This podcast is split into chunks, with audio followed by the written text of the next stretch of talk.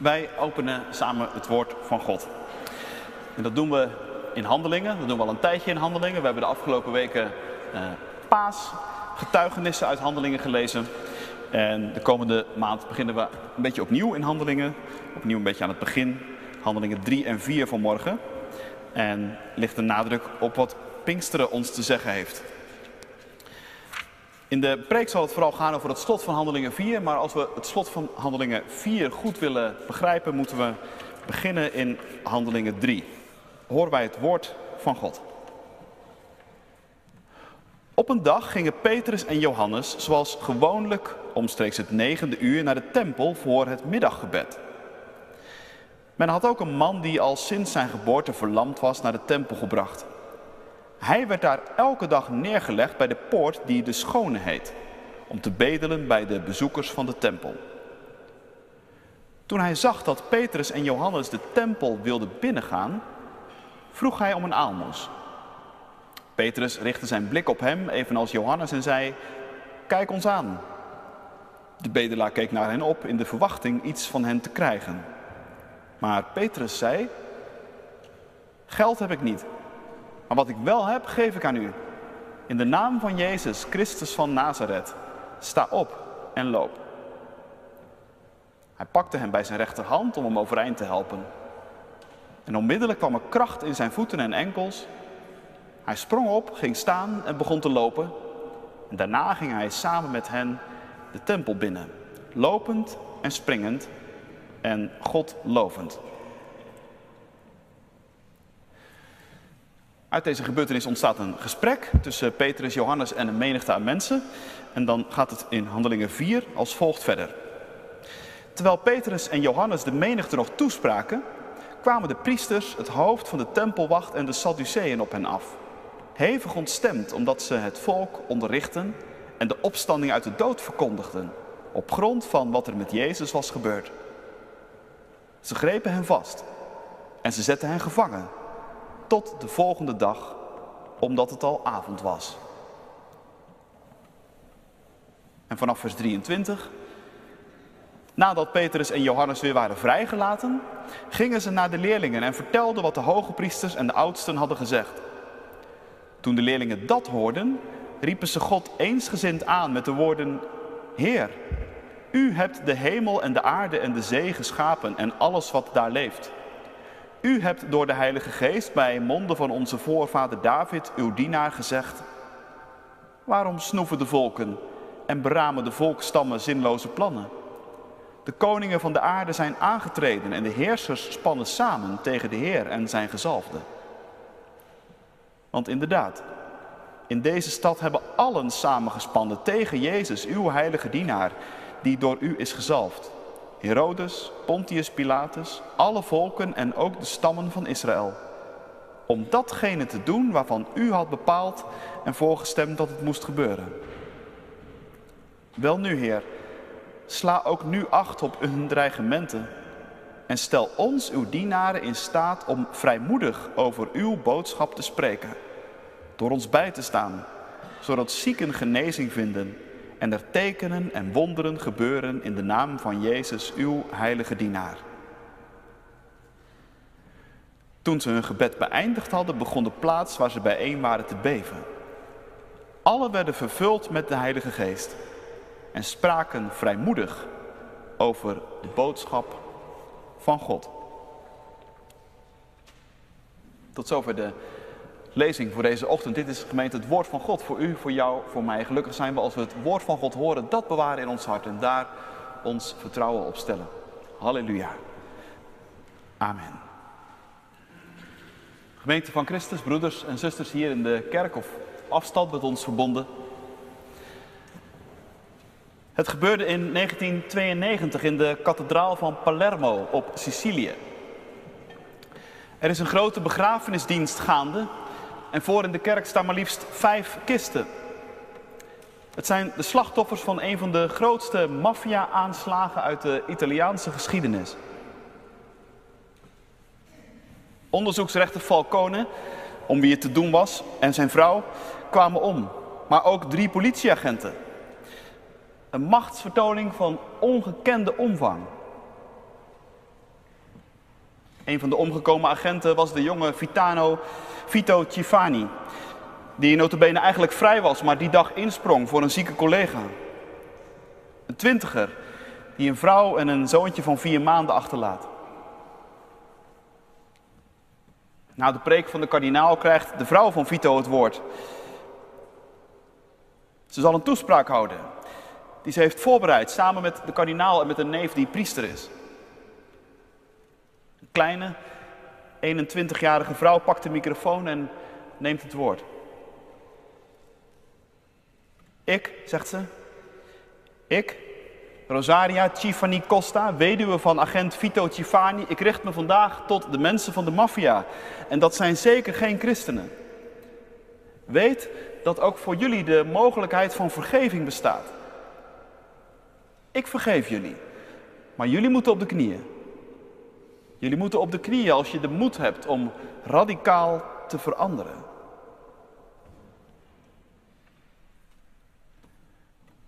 Het is doodstil geworden in de kathedraal. Iedereen houdt zijn adem in. Want je moet het maar durven, zo'n toespraak. Mafiosi op Sicilië deinzen nergens voor terug. Ze kopen je om of ze leggen je om. En iedereen in Palermo weet, achter de kist van zijn slachtoffer staat de moordenaar.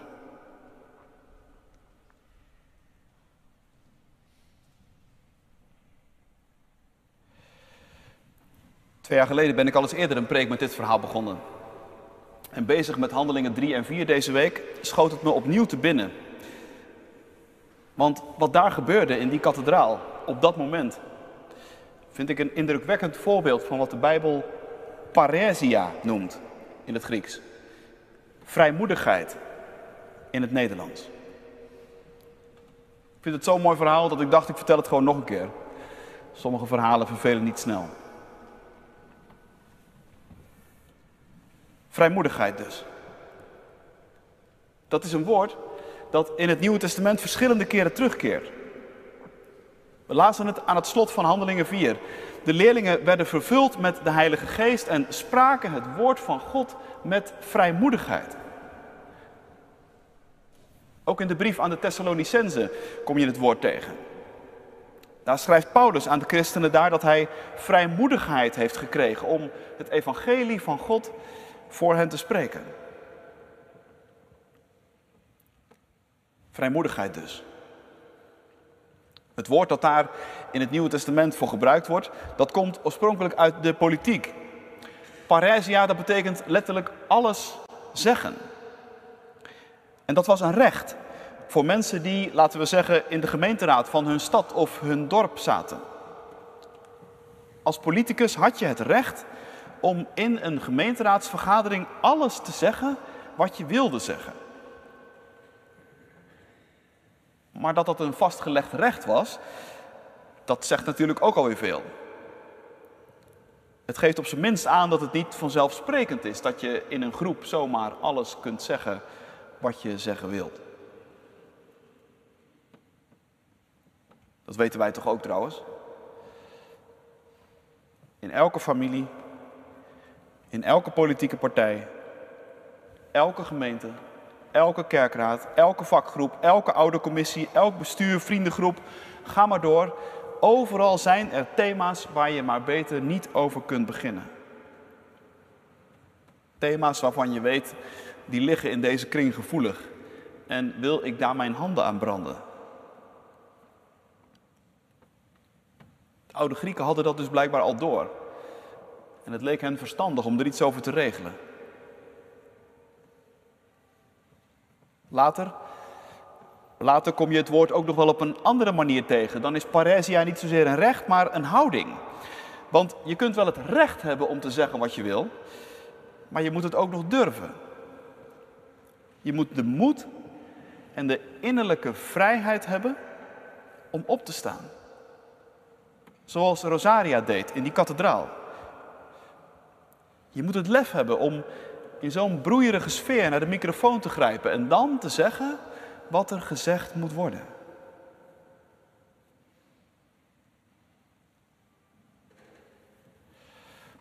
me zo opvalt in de Bijbel is dat als het over vrijmoedigheid gaat, dat die altijd gegeven wordt en geboren wordt. En dat ook altijd in een situatie die toch wel een beetje complex is en ingewikkeld. Ook in Handelingen 4. Petrus en Johannes ze zijn bedreigd en ze hebben een spreekverbod gekregen. Er is één naam die vooral niet genoemd mag worden. De naam waarop een taboe rust is de naam van Jezus. En wat me dan zo raakt, die gemeenteleden rondom Petrus en Johannes, die kruipen niet in hun schulp, maar die gaan bidden. Ze proberen al biddend de situatie waarin ze terechtgekomen zijn te begrijpen. En dat doen ze met een open Bijbel, lijkt het. Want in dat gebed zit ineens zomaar een psalm, een citaat uit de psalm. Psalm 2. Ik kan me voorstellen dat er iemand was in die kring die ineens, misschien was het een ingeving, dacht: Psalm 2. Wat wij meemaken, dat is gewoon Psalm 2. Wat David vroeger al zei over de koningen van de aarde en de machthebbers die samenspannen tegen God en tegen zijn gezalfde.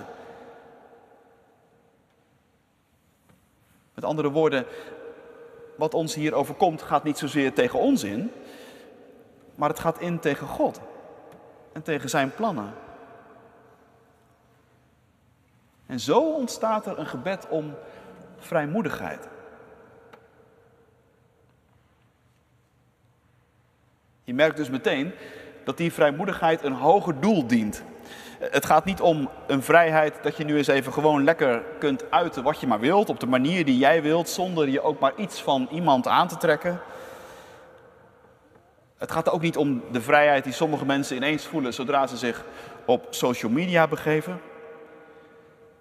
Vrijmoedigheid is niet een soort carte blanche om los te gaan.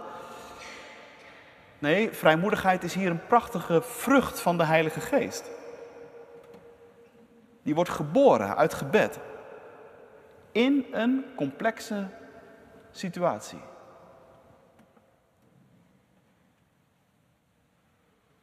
En als je goed naar dat gebed kijkt, dan valt op dat het begint met een lofprijzing. Lofprijzing op God als schepper. Verderop in het gebed gaat het twee keer over uw heilig kind Jezus. En aan het einde van het stuk worden de leerlingen vervuld met de Heilige Geest. Vader, Zoon en Heilige Geest in één beweging.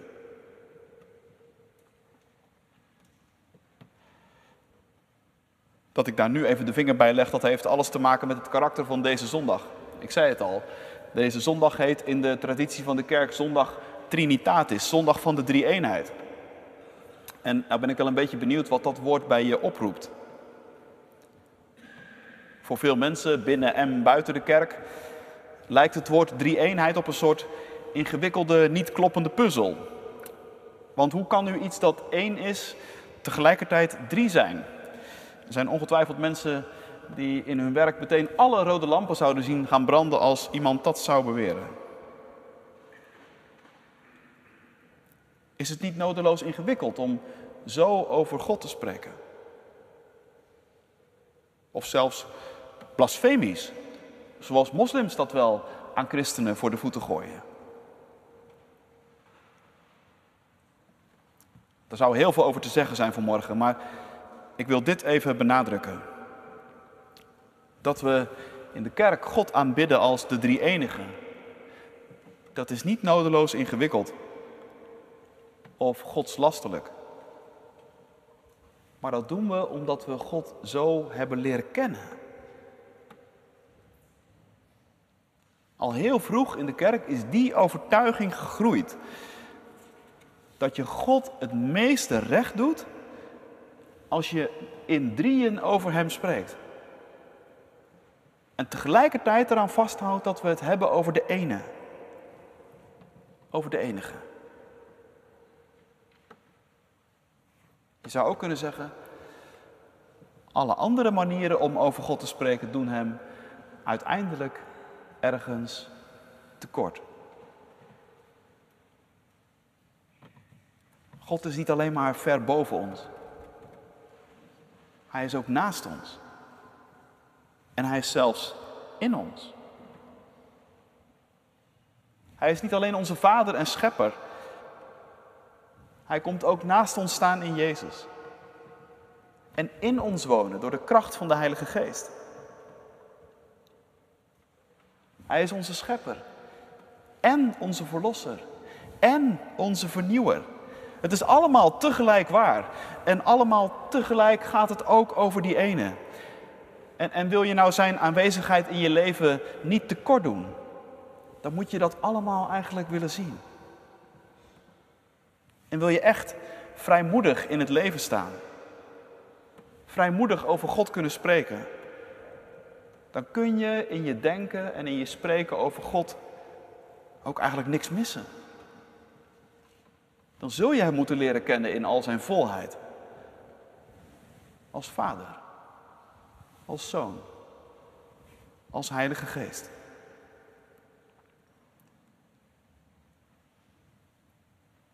Wat er dan gebeurt, dat zie je in Handelingen 4. Het gebed om vrijmoedigheid begint met een gebed tot God als de schepper. Heer, zeggen de leerlingen, u bent de God die de hemel, de aarde, de zee en alles wat daarin is, groter kun je het niet krijgen, gemaakt hebt. Daar begint het mee. Het begint dus niet met de, de grootte van de problemen, maar het begint met de grootheid van God. Het is alsof deze mensen willen zeggen, er is geen probleem zo groot. Of onze God is groter.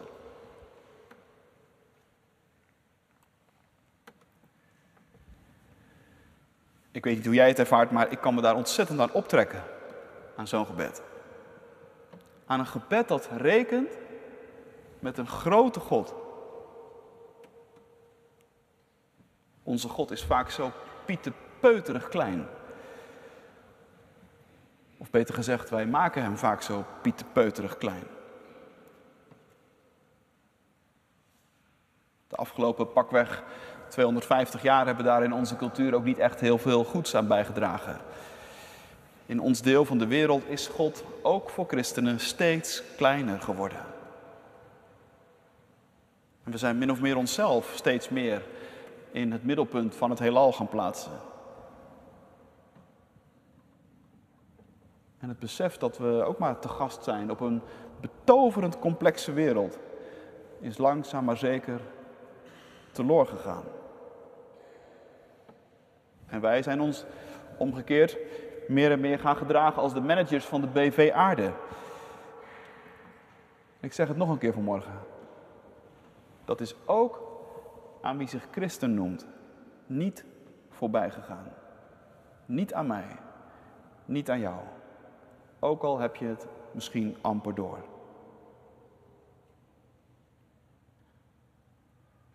Maar langzaam maar zeker begint toch wel door te dringen dat dit een doodlopend spoor is.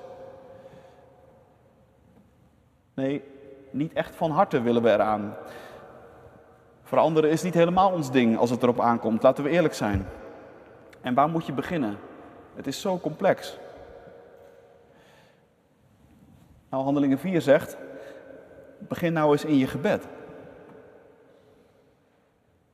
Begin er nou eens mee dat je opnieuw God gaat aanbidden en erkennen als je schepper.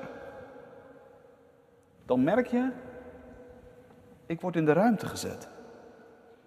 Ik krijg lucht. Ik krijg ruimte om te ademen. Ik zie ineens de dingen zomaar in een ander perspectief.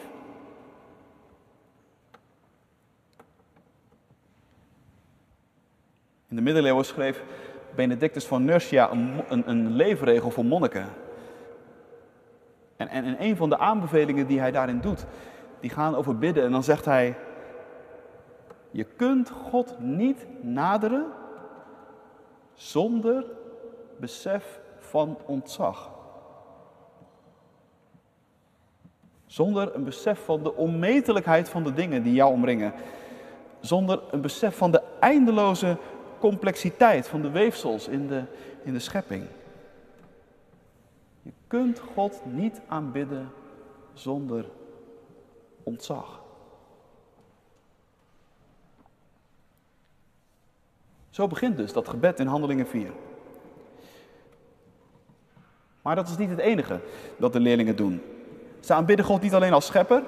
Het gaat een stukje verderop ook twee keer over zijn heilig kind Jezus. Je merkt dus dat die leerlingen God niet alleen maar kennen als hun schepper, maar ook als de God die deze geschiedenis is binnengestapt. Die in Jezus op het toneel van de wereld verschenen is, mens onder de mensen geworden is en onder ons heeft gewoond.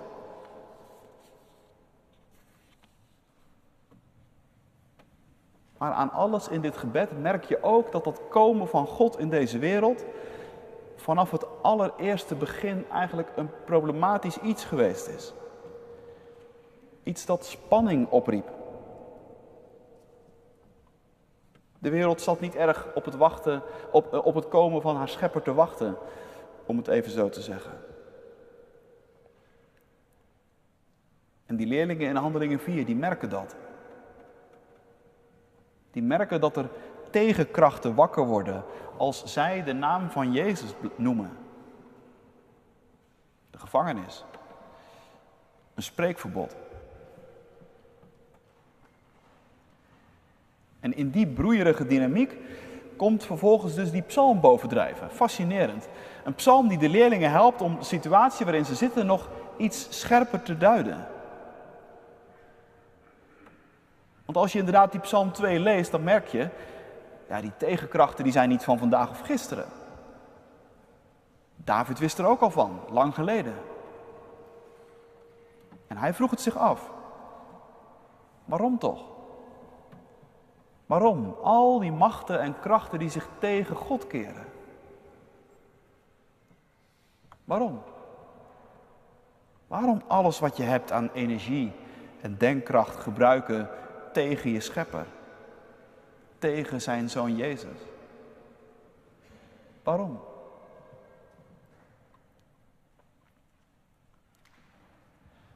Ik vind dat eerlijk gezegd nog steeds een hele grote vraag. Waarom? Waarom de aarde laten kreunen onder het gewicht van onze voetstappen? Waarom zo leven en produceren en consumeren dat we de bodem uitputten en grondstoffen doorheen jagen alsof het niks is? Waarom lijken we maar zo amper geïnteresseerd in hoe de schepper deze werkelijkheid gevormd heeft. Behalve wanneer we denken dat er iets te verdienen valt.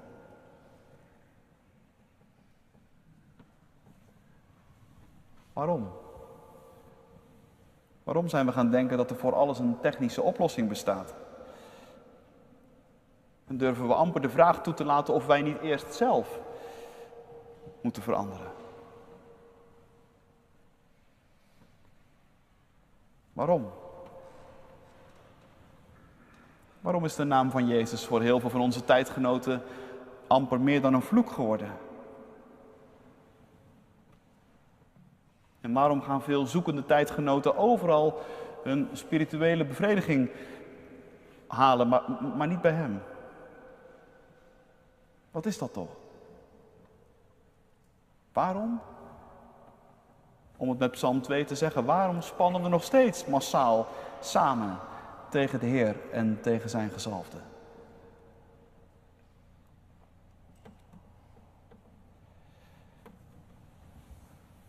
Weet wel, zo'n hele serie vragen stellen is veel makkelijker dan op elk van die vragen een antwoord geven. Maar in Handelingen 4 volgt ook niet direct een antwoord op die waarom-vraag. Het gebed eindigt met een andere vraag. Een vraag, ik zei het al aan het begin, een vraag om vrijmoedigheid.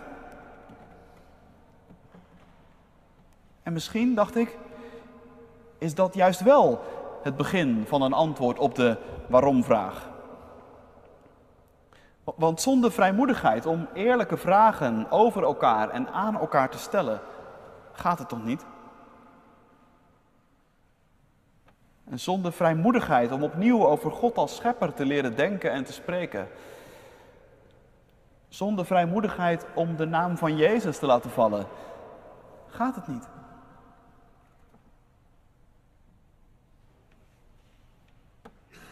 Ik ben benieuwd of je ook zo naar nieuwe vrijmoedigheid verlangt, net als ik.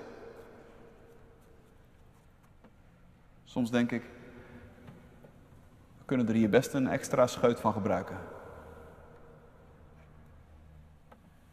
We zijn vaak al erg onder de indruk van de tegenkrachten. Diepe rimpels boven onze voorhoofden. Best makkelijk om ze te laten ontstaan.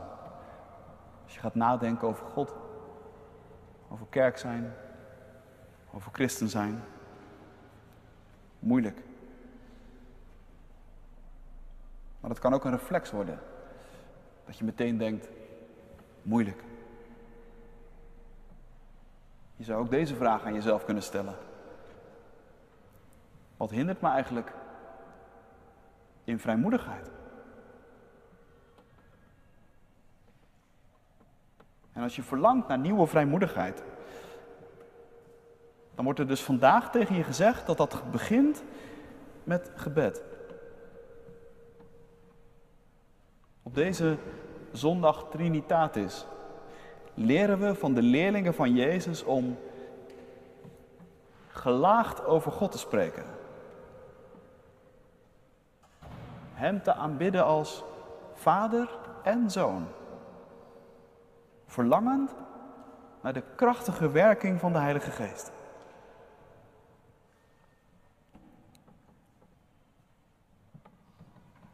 Want geloven in de geest zonder de Vader, dat is vernieuwing zonder schepping en dat is ook richtingloos. Geloven in God als Vader zonder de Zoon, dan heb je dus een schepping zonder verlossing. Dat blijft hopeloos. Alleen de drie enige God kan ons redden.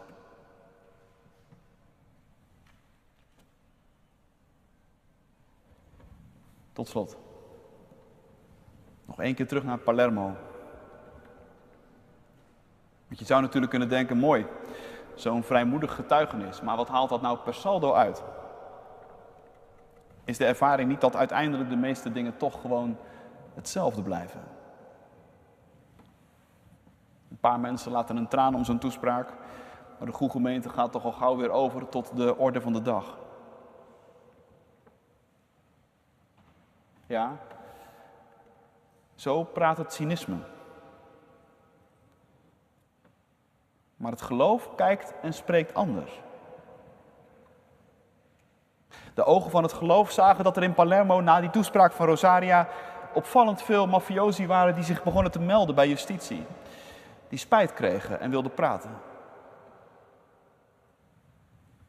De ogen van het geloof zagen hoe daar langzaam maar zeker een aantal barsten ontstonden in het panzer van de misdaad.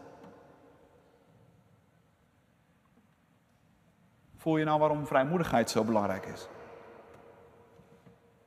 Onderschat het niet. Wees vrijmoedig. Bid erom. Doe wat je kunt om vrijmoedigheid te laten gebeuren bij anderen.